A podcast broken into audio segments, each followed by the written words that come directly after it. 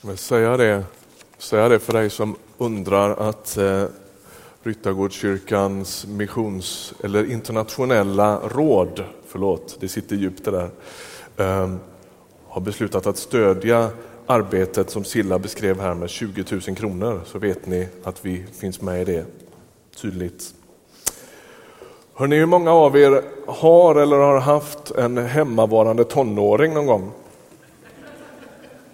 Ni skrattar redan. Det var inte så roligt. Vänta ni. Ehm, så, har ni varit med någon gång när man öppnar dörren in till den här hemmavarande tonåringens rum och drar ett djupt andetag? Har ni känt det någon gång? Om man dessutom har en hemmavarande tonåring som älskar att ha jättemycket tzatziki på allting och så öppnar man det där stängda rummet och så känner man hur det känns där inne. Tänker man, här måste det hända något. Annars dör allt som finns i närheten. Allt syre är borta, all, allt som lever är borta. Det är liksom, man tänker, ställer vi in en krukväxt här så dör den med en gång. Det är liksom så otroligt märklig lukt och atmosfär i det rummet. Texten vi ska läsa idag handlar om ett stängt rum där det behöver komma in lite frisk luft. Men bakgrunden innan vi läser är den här. Jesus döms till döden i påsktid, han avrättas, han läggs i en grav och snacket går så småningom i lärjungakretsen. Någon menar sig ha sett honom, trots att man var med när han dog. Han lever Jo, säger någon, det är sant, det kan inte vara sant, sånt händer inte. Ja, men det är sant ändå. Maria säger att hon har mött honom. Ja, men Maria måste ha fått något väldigt hårt i huvudet, för man kan inte se folk som har dött. Och det är liksom kaoset som råder när vi kommer in i texten. Om man läser påsktexterna så är de väldigt tydligt ögonvittnesskildringar. Det finns en sorts doft av liksom, kaos, vad är det som håller på att hända? Och där och då kommer vi in i texten och vi läser Johannes 20 och från vers 19 där det står så här. På kvällen samma dag, den första i veckan, satt lärjungarna bakom reglade dörrar av rädsla för judarna. Då kom Jesus och stod mitt ibland dem och sa till dem, frid åt er alla. Sen visade han dem sina händer och sin sida. Lärjungarna blev glada när de såg Herren. Jesus sa till dem igen, frid åt er alla, som Fadern har sänt mig sänder jag er. Sen andades han på dem och sa, ta emot helig ande. Vi stannar där. Lärjungarna är rädda och det står här att de har låst in sig i det där rummet. Vad händer när man är rädd? Ja, det är lite olika hur vi reagerar. Det är inte så ovanligt att man blir ganska ologisk. Till viss del blir man ju till och med lite dum av att vara rädd, eller hur? Har du varit med ibland när det, när det liksom blir en riktigt, riktigt skarpt läge så blir man så förvånad över att man reagerar så dumt, så irrationellt. Rädsla gör sånt med oss. Det liksom gör att vi förlorar proportionerna. Och samtidigt vet vi att när det gäller det här läget så var det inte någon obefogad rädsla utan den var högst befogad. Det fanns reella hot för lärjungarna. De var förföljda och det var otäck stämning och de här makthavarna hade avrättat Jesus och man förstod att man låg pyrt till.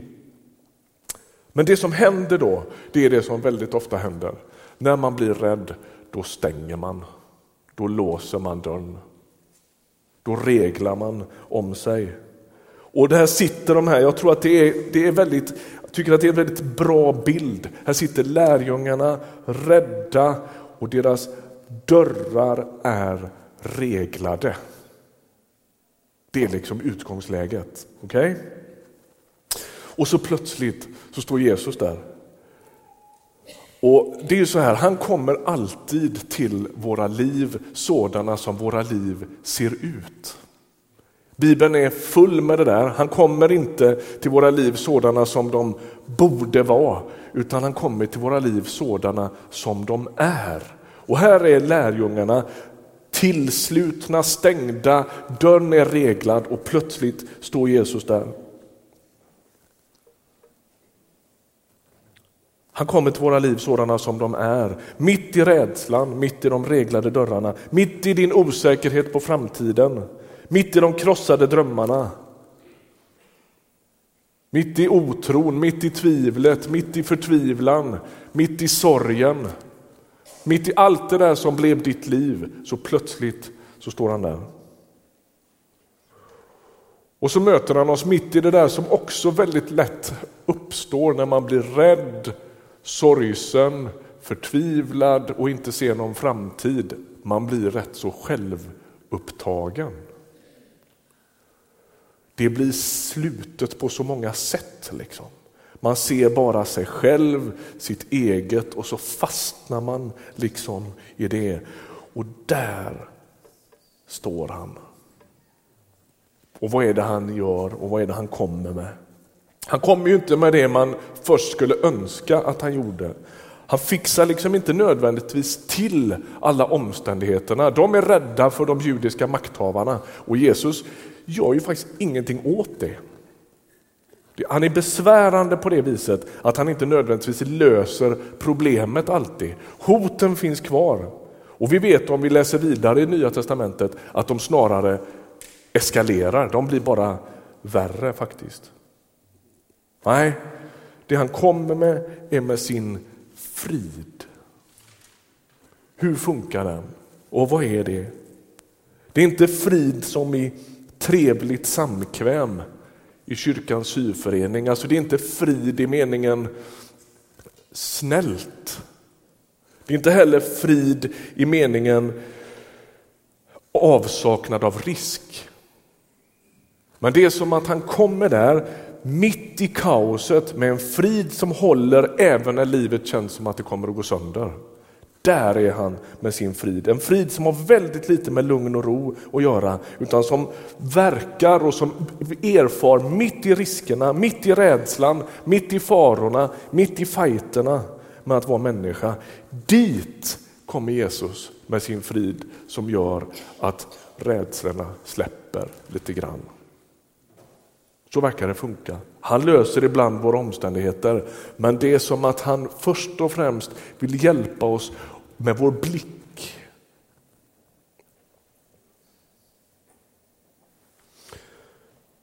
Orons och rädslans motsats i Nya testamentet är inte mod. Det är inte så att det står var inte rädd utan var tuff. Eller var inte rädd utan var modig. Det står inte så. Utan det står var inte rädd utan tro. Alltså rädslans motsats i Nya testamentet är tillit och tro. Var inte rädd utan tro. Vad är det de ska tro på då? Jo, han visar dem i texten sina händer och sin sida. Han visar såren. Vi har sagt det många gånger förut här i Ryttargårdskyrkan att det vi sätter vår tro till det är en sorts historiska, faktiska händelser, inte någon vacker tanke. Jesus dog verkligen och han uppstod verkligen. Och om lärjungarna ska få koll på sin rädsla, på sin fruktan, då måste de höra en annan story, en annan berättelse. En som talar högre än rädslan.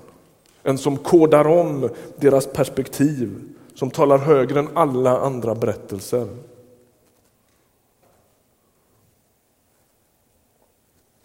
Hoten är reella.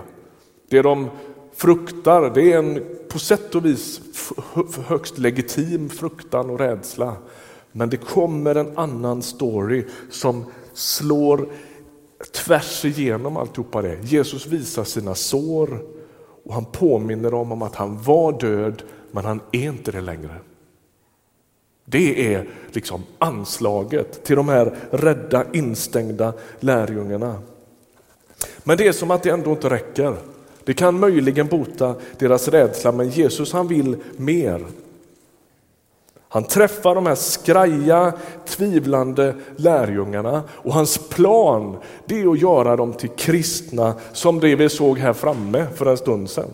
Till kristna som inte längre lever för sig själva. Som faktiskt blir med och förvandlar världen. Det är hans mål. Och vad måste till för att den förvandlingen ska äga rum? Vad måste man göra då? Jo, det står att han blåser på dem och så ger han dem av sin ande.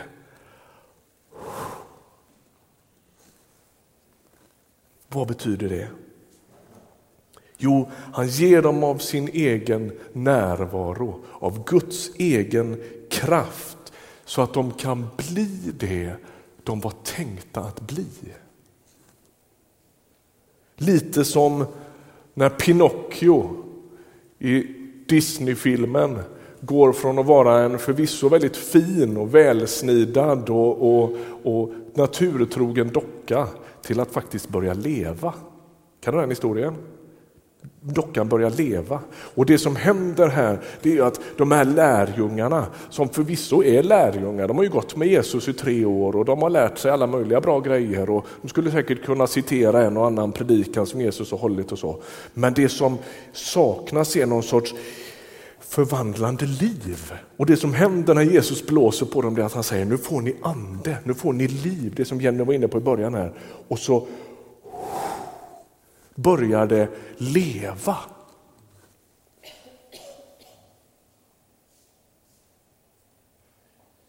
När Jesus andas på lärjungarna, ger dem anden, så finns det en väldigt tydlig bibelparallell. Jag vet inte om du hänger med på den. I första Mosebok, när Gud skapar världen, så blåser han livsanden in i människan. Det är en jättetydlig parallell i den här texten. Och människan börjar leva. Här händer det igen, fast på ett lite annat sätt. Och Det är en jättetydlig hint ifrån, ifrån Johannes som skriver här, att här och nu börjar den nya skapelsen, det nya livet, den nya mänskligheten som Gud har tänkt ska befolka jorden. Det är Guds livsande, Guds ande, Guds kraft är inblåst i människan så att man kan bli det vi var tänkta att bli. Planen är nämligen att de här rädda lärjungarna som sitter i det här trånga stängda rummet med unken luft ska få öppna på spjällen och få in frisk luft som är Gud, Guds egen närvaro. Och där de ska börja se livet och tillvaron på ett helt annat sätt. Jesus har modellerat det här för dem i tre år. Han har undervisat dem, han har gett dem ett exempel, han har gett dem hela sitt liv och så blåser han sin egen närvaro i dem och skickar iväg dem för att de ska bli det som det var tänkt. Vad är det de ska bli? Alltså här är ju, det här är en sån där, får man ha favoritversar så återkommer jag väldigt ofta till den här. Han säger, som Fadern har sänt mig så sänder jag er. Som Fadern har sänt mig sänder jag er. De sänds på samma sätt som Fadern sände Sonen. De sänds inte för att stänga in sig ytterligare eller för att bli någon helig exklusiv klubb. Utan för att leva ett sånt liv för världen som Jesus levde för världen. Hör du vad det står i den här texten? Som Fadern sände Jesus, så sände Jesus sin kyrka. Det liksom, vi, vi finns i rakt nedstigande led. Hur sänder Fadern Jesus? Och Jesus han beskriver att jag har kommit för att eh, det här finns inte på väggen, nu får bildteknikerna eh, hjärtflimmer, men eh, jag läser ändå. Jesus hade inte heller någon powerpoint. Kanske han hade, vem vet? Herrens ande är över mig, han har smort mig, säger Jesus, till att frambära ett glädjebud till de fattiga, förkunna befrielse för de fångna, syn för de blinda och ge de förtryckta frihet. Så sänder Fadern Sonen. Det har med de fattiga att göra, det har med de blinda att göra, det har med de förtryckta att göra. Det har med sex, sextrafficking-offer i Kairo att göra. Så sänds sonen. Han skulle kunna fortsätta ha det ombonat vid Faderns högra sida i en fullkomlig tillvaro. Men han sänds rätt in i smutsen, rätt in i människans förtvivlan. Och så säger Jesus, så som Fadern sände mig, så sänder jag er. Det har med de fattiga att göra. Det har med de blinda att göra. Det har med de förtvivlade att göra. Det har med fångenskap och, och bundenhet att göra. Och Gud sänder sitt folk att inte liksom fortsätta sitta i det där rummet. När man vänder sig till Gud och gör andliga erfarenheter så handlar det om, om att få del av Guds hjärta. När vi söker Gud i en gudstjänst så vill vi djupast bli som han.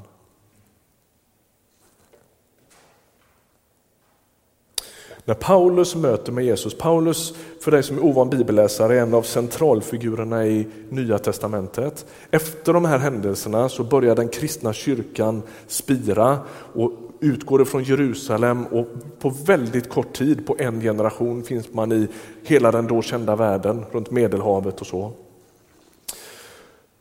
Paulus är en centralfigur i det här som missionär. Och när han möter med Jesus, lite som Silla var inne på, när hon kommer till alfakursen och springer rätt in i Gud, som du uttryckte det va? Paulus gör precis likadant, han springer också rätt in i Gud på Damaskusvägen. Och, och, och, Jesus säger till honom så här, Saul, för han heter så först, Saul, Saul, varför förföljer du mig?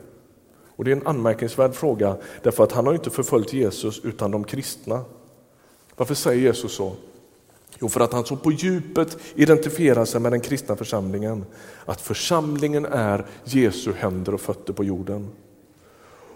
Och därför använder Paulus sen vid flera tillfällen i Nya Testamentet bilden av kroppen när han pratar om den kristna gemenskapen. Vi är Kristi kropp. Det är inte bara ett vackert bildspråk för honom utan det är en sorts verklighet där den kristna kyrkan går fram, där går Jesus fram. Vi är hans kropp. För många år sedan när jag jobbade i teamarbete så skulle vi skicka ett team till Göteborg och arbeta med de mest utsatta missbrukarna i, på, på, gatan i Göteborg. Och tjejen som skulle leda det där, hon stod på en bönestund liknande den vi hade alldeles nyss här. Och så sa hon, jag vill, jag vill ge Jesus händer och fötter. Sa hon. Så åkte hon och så startade de ett café för de mest utsatta i Göteborg. Jag vill ge Jesus en kropp. Och det är vi som är det. Det där teamet, efter några år, jag har berättat det här förut men jag bjuder på det. De mötte en kille i Knarkparken i Göteborg. Floras kulle heter det egentligen, men Knarkparken säger de. Det är där mycket av droghandeln sker, ett stenkast ifrån Feskekörka. Och så möter de en kille där en dag, de har sina kaffetermosar med sig, det där teamet, och så möter de en kille som heter Anders. Och Anders han har slitit med livet ganska rejält. Han har, det började fel från allra första början med fosterhem och våld och elände. Och han har provat alla droger man kan tänka sig. Han har knaprat piller och rökt svampar och köpt allt och, och, och sålt allt och, och, provat och varit fullständigt liksom bort i tok i åratal. Han har också sökt i en massa nyandlighet och sekter och rymt ifrån konstiga ställen där de liksom har stängt in honom. Och han har varit med om det mesta. Och så säger han så här, den där eftermiddagen i knarkparken, då mötte jag några ungdomar där med en kaffetermos. Men mitt intryck var att jag äntligen mötte Jesus av kött och blod. Smaka lite på det. Efter alla åren, efter allt slit, efter allt som har gått sönder, efter all trasighet, all vilsenhet, allt sökande, så är det några 20-åriga kristna ungdomar som aldrig har varit i närheten av den här världen, som är uppväxta i något kapell i Småland på innebandy och gul saft och fika och andakt. Liksom. Är ni med? Som tar Gud i hågen och säger vi vill ge Jesus en kropp. Och så är de där mitt i skiten, om uttrycket tillåts. Och så sker det att de får ge Jesus en kropp och den här Anders han säger, jag mötte Jesus av kött och blod. Visst är det anmärkningsvärt? Det är det perspektivet som finns i den här texten. Som Fadern sände mig så sände jag er. Nu är det ni som är Jesus av kött och blod, säger han till dem.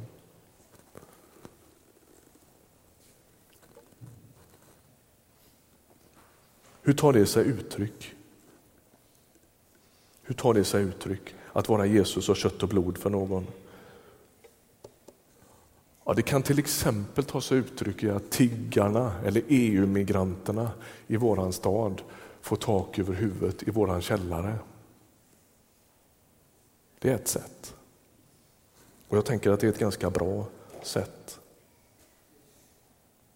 Det kanske innebär att den som är sjuk och har varit och provat alla behandlingar som finns möter en kristen i sin lunchrum på jobbet som vågar be en enkel bön. Så kanske det går till. Det kan handla om gömda flyktingfamiljer som känner sån fruktan att bli avslöjade att de inte vågar höra av sig till någon. Jag samtalar med en sån familj i veckan och bara smakade lite grann på den oro och den rädsla som de lever med. Försöker att på, upp, påminna dem och, och, och liksom intyga vi är inte här för att ställa till det för er, vi är inte här för att avslöja er, vi vill hjälpa er. Och de vet inte om de vågar tro på det, för de är så jagade. Där kan man vara Jesus av kött och blod och hjälpa dem med det mest basala.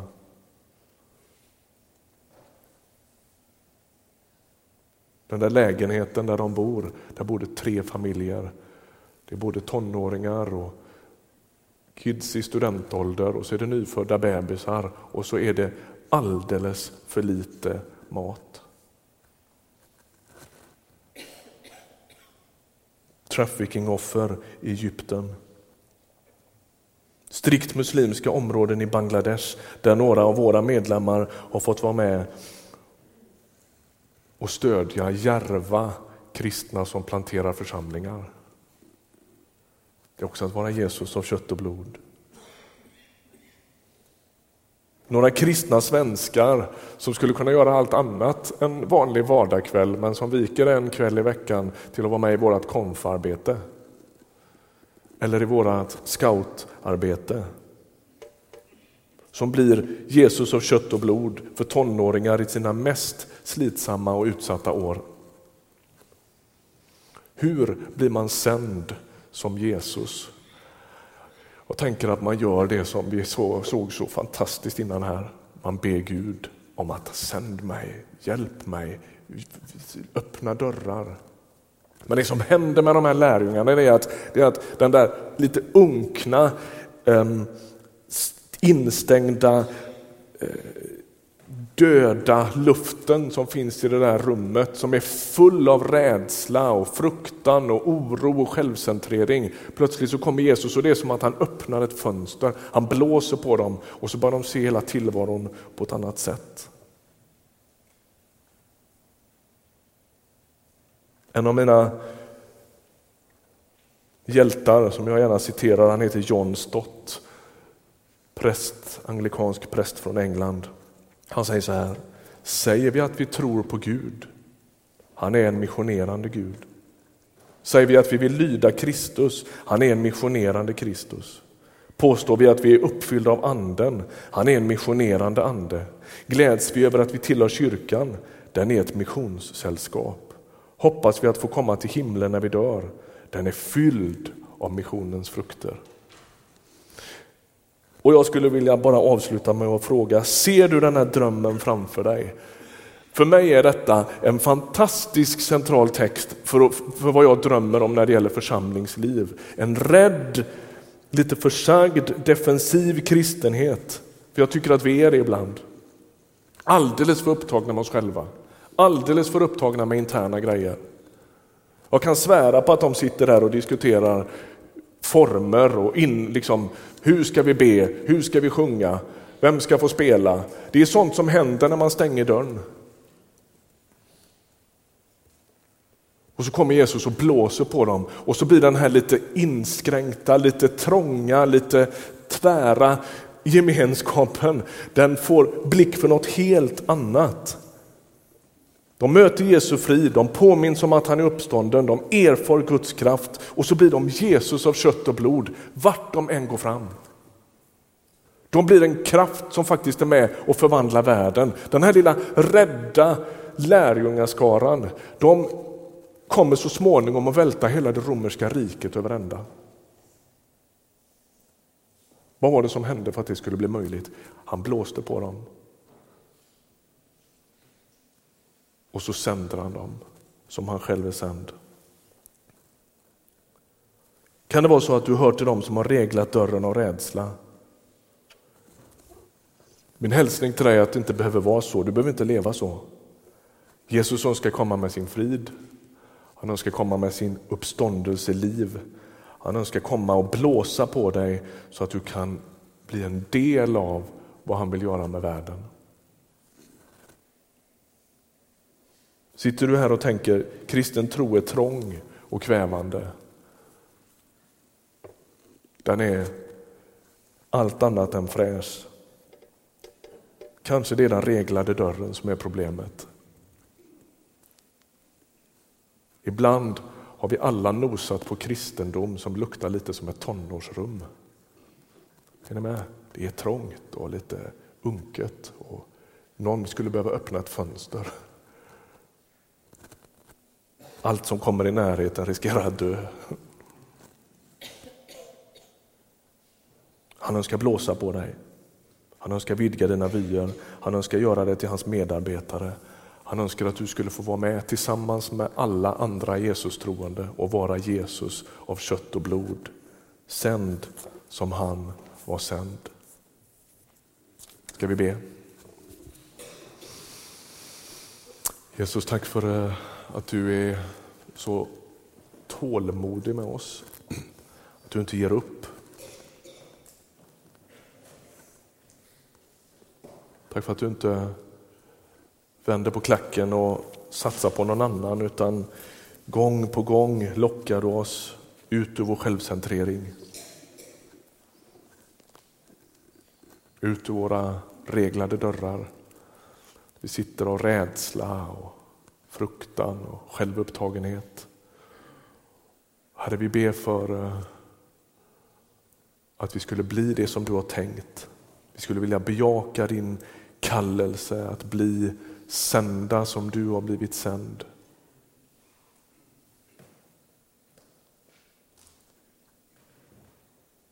Herre, du är aldrig problemet. Du finns redan bland trafficking-offer i Egypten.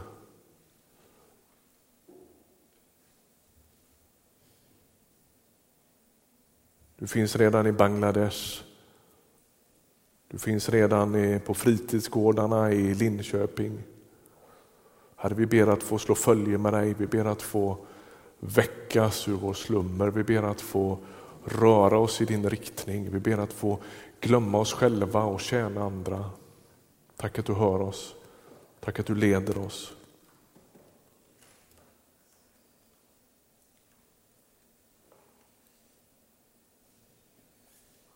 Vi ber att du skulle få öppna dörrar, precis som vi hörde Silla vittna om här, vad, som, vad du har lagt på hennes hjärta. Vi ber att du skulle få lägga på våra hjärtan vad du har tänkt med våra liv och med vår församling när det gäller att vara Jesus av kött och blod. Tack att du hör oss. Amen.